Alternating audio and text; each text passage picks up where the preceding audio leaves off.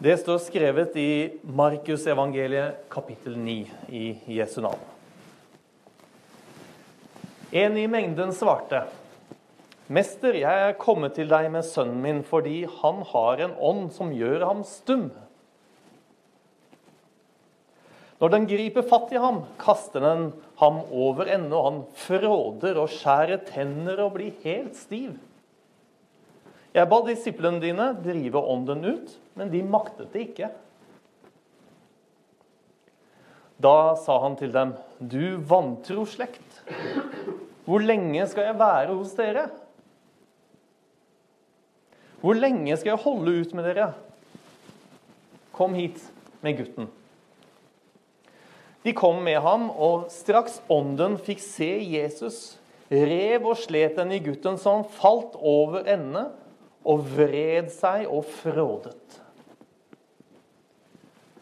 Jesus spurte faren, 'Hvor lenge har han hatt det slik?' 'Fra han var liten gutt', svarte han.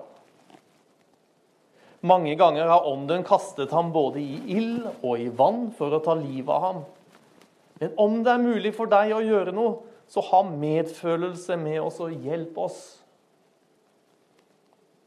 om det er mulig for meg? Svarte Jesus. Alt er mulig for den som tror. Straks ropte guttens far, 'Jeg tror, hjelp meg i min vantro'. Da Jesus så folk stimle sammen, truet han den urene ånden og sa, 'Du stumme og døve ånd, jeg befaler deg, far ut av ham.' Og far aldri mer inn i ham. Da skrek den høyt, slet voldsomt i gutten og for ut. Gutten lå livløs, og alle sa at han var død. Men Jesus tok ham i hånden og hjalp ham opp, og han reiste seg. Da Jesus var kommet i hus og disiplene var alene med ham, spurte de Hvorfor var det ikke mulig for oss å drive den ut? Han svarte, dette slaget er det bare mulig å drive ut ved bønn og faste. Slik lyder Guds ord. Vær så god. Sitt.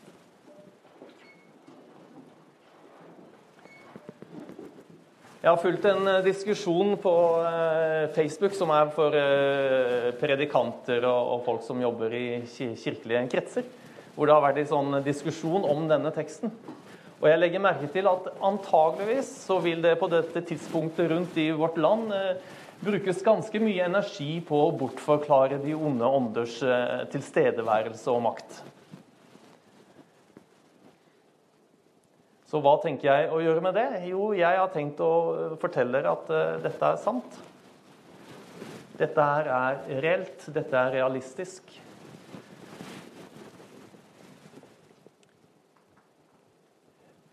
For noen år siden så eh, jobbet vi i Etiopia. Eh, og helt i begynnelsen av vår tjenestetid der, eh, vår, der vi bodde, så var det en klinikk.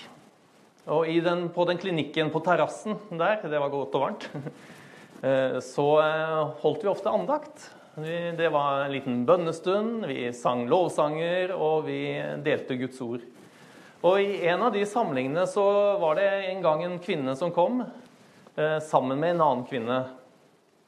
Eh, og, og, den ene kvinnen hun var eh, så ned for seg og var veldig mørk i øya.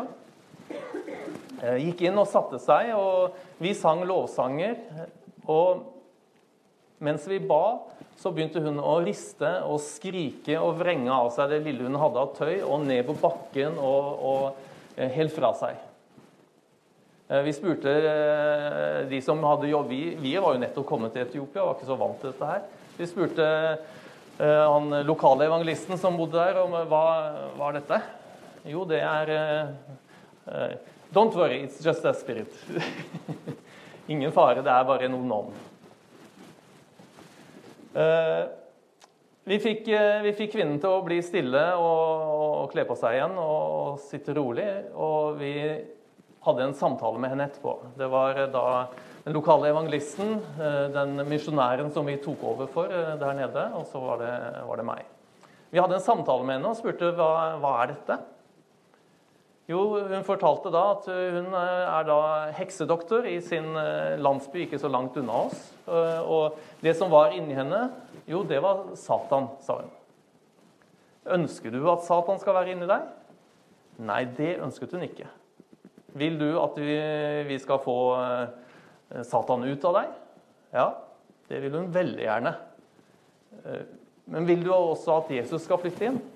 Ja, det vil hun veldig gjerne.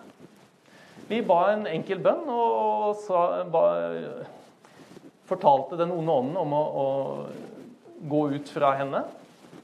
Til min kollegas eh, skuffelse så var det ikke mye som skjedde. Sånn, eh, det var ikke noe fråding, og vi hørte ikke demonen snakke og sånn, for det hadde han et, hadde et ønske om det. så det, det, det, skjedde i det stille. Men det var noe som skjedde med øya hennes.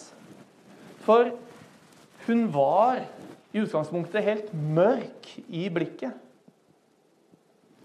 Og etter at vi hadde bedt for henne og fått demonen ut av henne, så var det et lys i øynene hennes. Og dagen etter så så vi henne gå rundt og synge og være glad.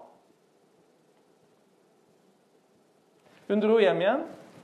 Det ble startet kirke, og mange ble kristne der i denne landsbyen.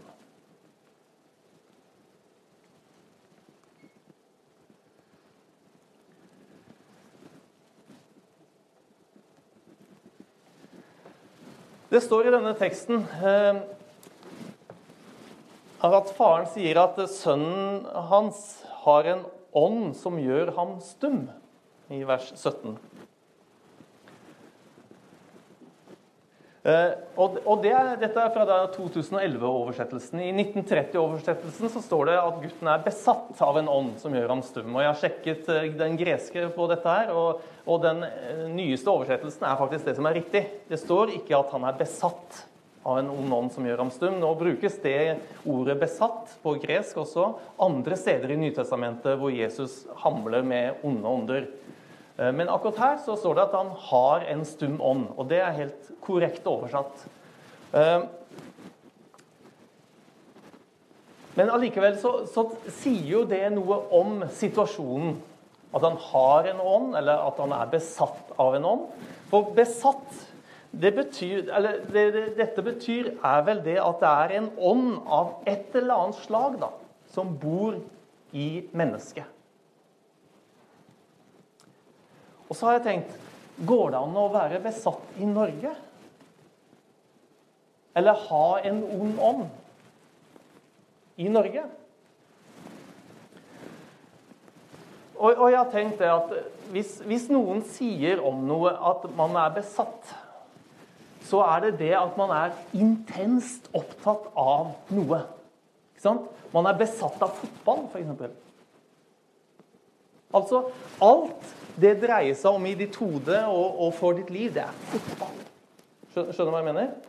Man er intenst opptatt av noe, eller man er styrt av noe. Man er altså blitt bosatt av, eller blitt tatt bolig av noe. For eksempel så kan det være bilen, bilen din. Jeg er så opptatt av bilen at alt jeg prater om, det er bil, bil, bil. Og hvordan jeg skal fikse den og gjøre den finere, og nå må den poleres. Og når vi sitter ved middagsbordet, det er bil, bil. Skjønner du hva jeg mener? Eller hytta. Huset. Båten dine. Penger. Musikk. Kanskje siste mote. Eh, det å få mest mulig likes på Facebook. Kanskje det er hobbyen din. Kanskje Kanskje det er sex, kanskje det er makt, kanskje det er rusmidler. Ser vi det? At det er mange ting man kan bli besatt av. Bosatt av. Bli så intenst opptatt av at det er det som fyller ditt hjerte. Og I denne teksten så står det at han har en ånd som gjør ham stum. Kanskje er det flere av oss som har en slik ånd. Vi tør ikke åpne munnen for å fortelle om Jesus. Det er krefter som holder vitnesbyrdet tilbake. For jeg er litt redd for hva vennene mine skal si. Jeg er redd for hva eventuelt Hvis media skulle få tak i det, Gud forby Da blir det ragnarok, da. Og det blir det jo. Så, så det er krefter som får oss til å bli stumme. Det er en redsel for hva som kan skje. Jesus sier at det hjertet er fullt av, det sier munnen. Så hva er du bosatt av? Hva er du opptatt av? Hva er du styrt av? Hva er du besatt av? Jo, det er bare å sjekke hva du prater om.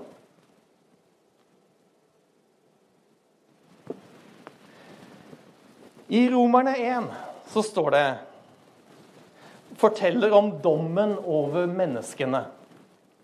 Og det står da fra vers 21 Med sine tanker endte de i tomhet, og deres uforstandige hjerter ble formørket. Det hjertet er fylt av. Deres hjerter ble formørket. I vers 24 så står det De fulgte sitt hjertes lyster. Derfor overga Gud dem til urenhet, slik at de vanæret kroppen sin med hverandre. Og fra vers 29 så står det de er fulle av De er fulle av all slags urett, umoral, grådighet og ondskap. Fulle av misunnelse, mordlyst, strid, svik og falskhet. De farer med sladder og baktalelser, hater Gud, bruker vold, er overmodige og brautende. De pønsker ut ondskap og er ulydige mot foreldrene. De er uforstandige, upålitelige, ukjærlige og ubarmhjertige.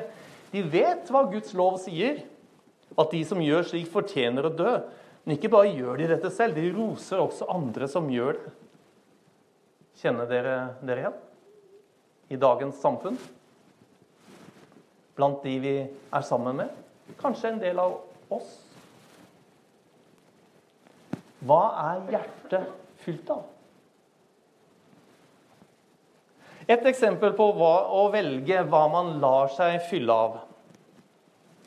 Hvis du er kristen, skal livet være rettet mot Jesus i alt. Og allerede i urkirken så begynte de å samles på søndagene. Hvorfor på søndagene? For I Gammeltestamentet står det at vi skal holde sabbaten hellig. Og sabbaten er jo lørdag. Hvorfor begynte de da med søndag? Jo, for søndag er jo oppstandelsesdagen. Så de kom på søndager også for å feire oppstandelsen.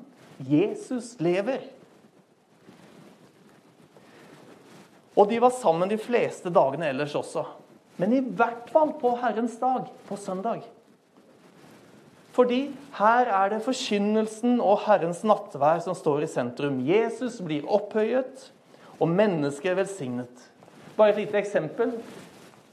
Til den dag i dag så har katolikkene gudstjenesteplikt.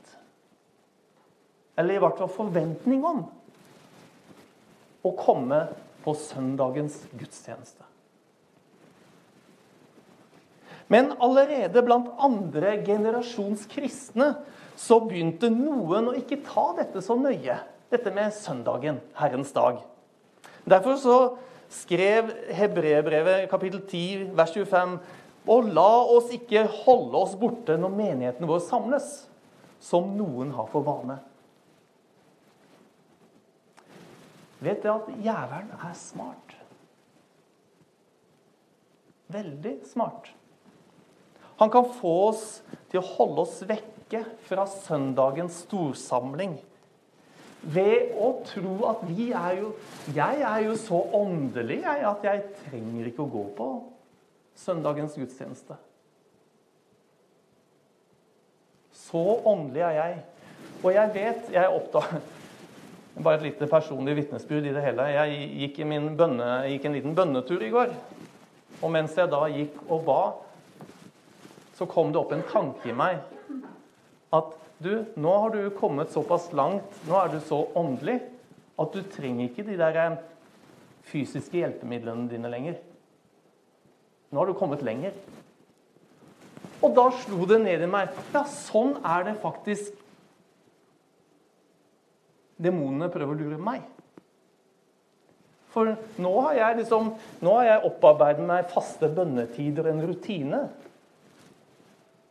Og så ser kanskje da den onde at ja, dette her er ikke så bra. Nå skal vi lure ham, da. Nå skal vi få ham til å tro at han er så åndelig at han ikke trenger det lenger. Og tenk på det. Så åndelig er du at du trenger ikke å gå på gudstjeneste lenger. Er ikke det fint? Du kan være hjemme og be. Det er greit, det. Så åndelig er du. Vi trenger ikke dette fellesskapet. Vi trenger ikke sakramentene. For jeg er så åndelig, jeg, nemlig. Og her står en stor åndskamp i dag. Herrens dag, altså søndager, er en dag hvor vi fornyer fokuset på Jesus. Og så Derfor så står det videre i samme vers La oss heller oppmuntre hverandre, og det så mye mer som dere ser at dagen nærmer seg. Søndagen, Jesu oppstandelsesdag, er en oppmuntring til det kristne liv for resten av uka. Det er fordi livet som kristen, det er en kamp. En åndskamp. Og det fins krefter som vil ha Jesus vekk fra hjertet ditt. Og jævelen gjør alt han kan for at det skal skje.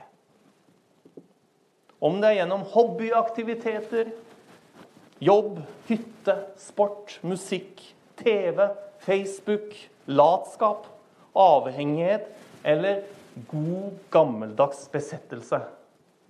Målet er det samme. Stenge Jesus fra ditt hjerte. Dermed så er det ikke likegyldig hva hjertet er fullt av, eller hva munnen sier. Eller hvordan du bruker dagene generelt, og søndagen spesielt, og dermed fyller deg med, eller lar deg bli bosatt av. Når det gjelder søndagene, så vet vi hva vi har å gjøre. Feire gudstjeneste, selvfølgelig. Og det er ikke hipp som happ om vi gjør det eller ikke. For Jesu navn skal æres og løftes opp. Og Jesus sier det. Og når jeg blir løftet opp fra jorden, skal jeg dra alle til meg. Det inkluderer deg og meg, men også samfunnet rundt oss. Syns du at det er rart at ikke folk blir kristne i dag? Eller syns du det er rart at de kristne verdiene Norge har vært bygd på i 1000 år, holder på å gå tapt?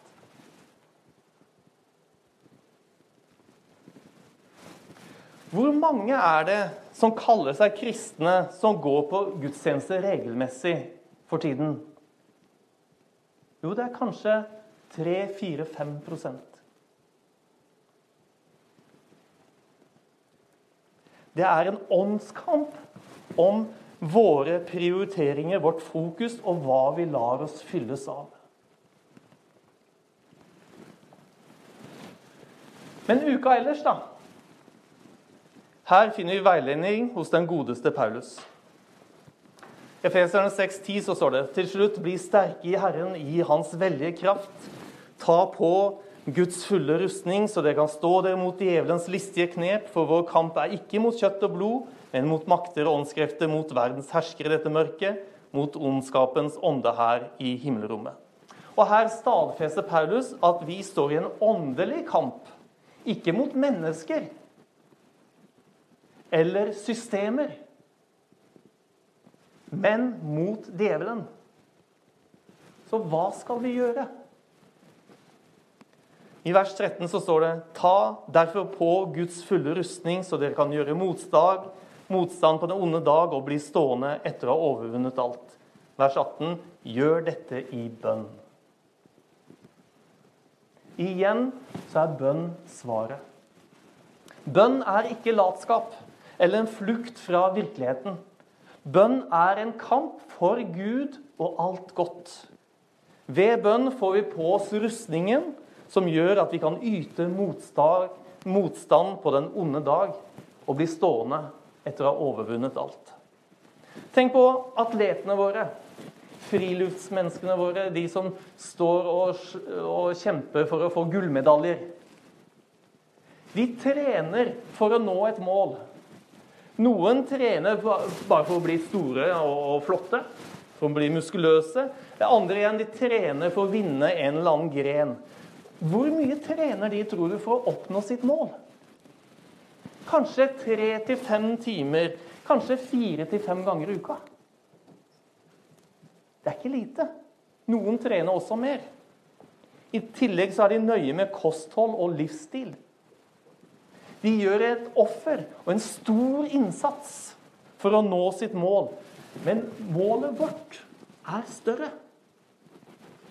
1. Korinter 9 så står det Vet dere ikke at på stadion deltar alle i løpet, men bare én får seiersprisen? Løp da slik at dere vinner den. Og så står det videre fra vers 27. Nei, jeg kjemper mot meg selv og tvinger kroppen til å lystre, for at ikke jeg som har forkynt for andre, selv skal komme til kort. Jeg kjemper mot meg selv og tvinger kroppen til å lystre, sier Paulus. Er ikke det litt rart? tvinger kroppen til å lystre. Dette her, dere, er en del av åndskampen vi står i. En kamp om våre hjerter. En kamp om våre tanker. En kamp om vår tid. En kamp om våre penger, våre kropper. En kamp om vårt engasjement.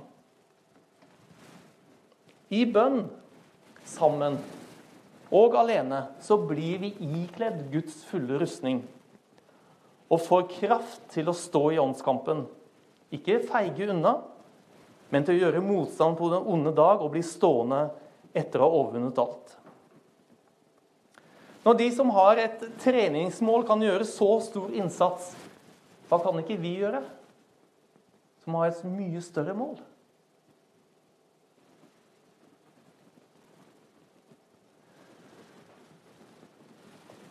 Jesus sa da han hadde drevet ut demonen, og disiplene spurte hvorfor kan ikke vi drive, ham ut, drive den onde ånden ut. Jo, dette slaget kan bare drives ut ved bønn og faste, sier Jesus.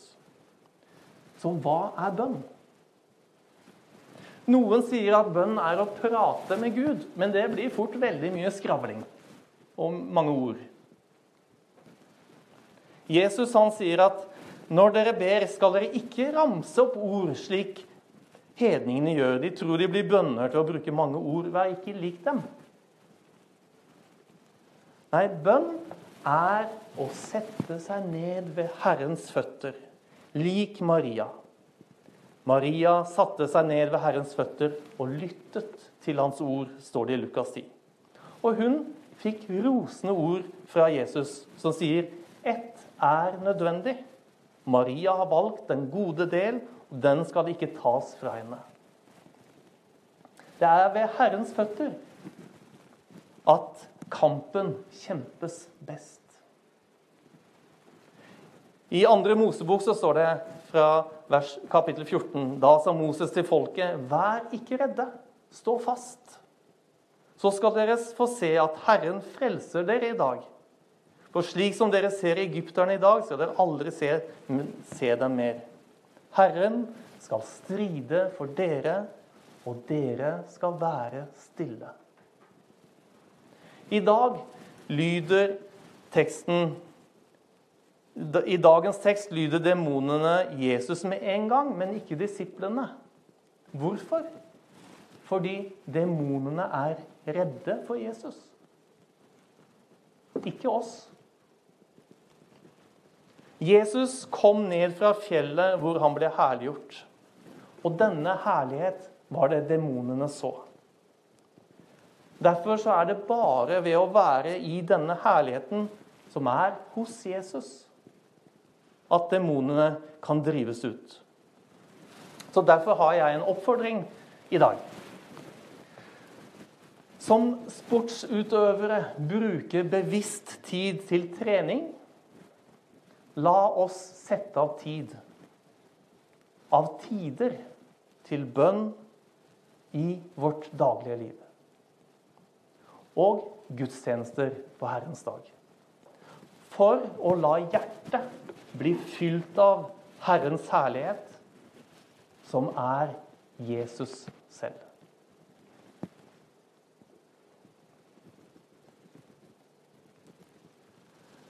Herren skal stride for dere. Herren skal stride for dere. Og dere skal være Stille for ham. Stille for ham. Hellige Far, hjelp oss til å stille våre hjerter for Jesu ansikt. Hjelp oss i det daglige å stille våre hjerter for Herrens ansikt.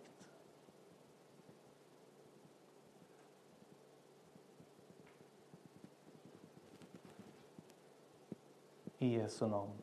Amen.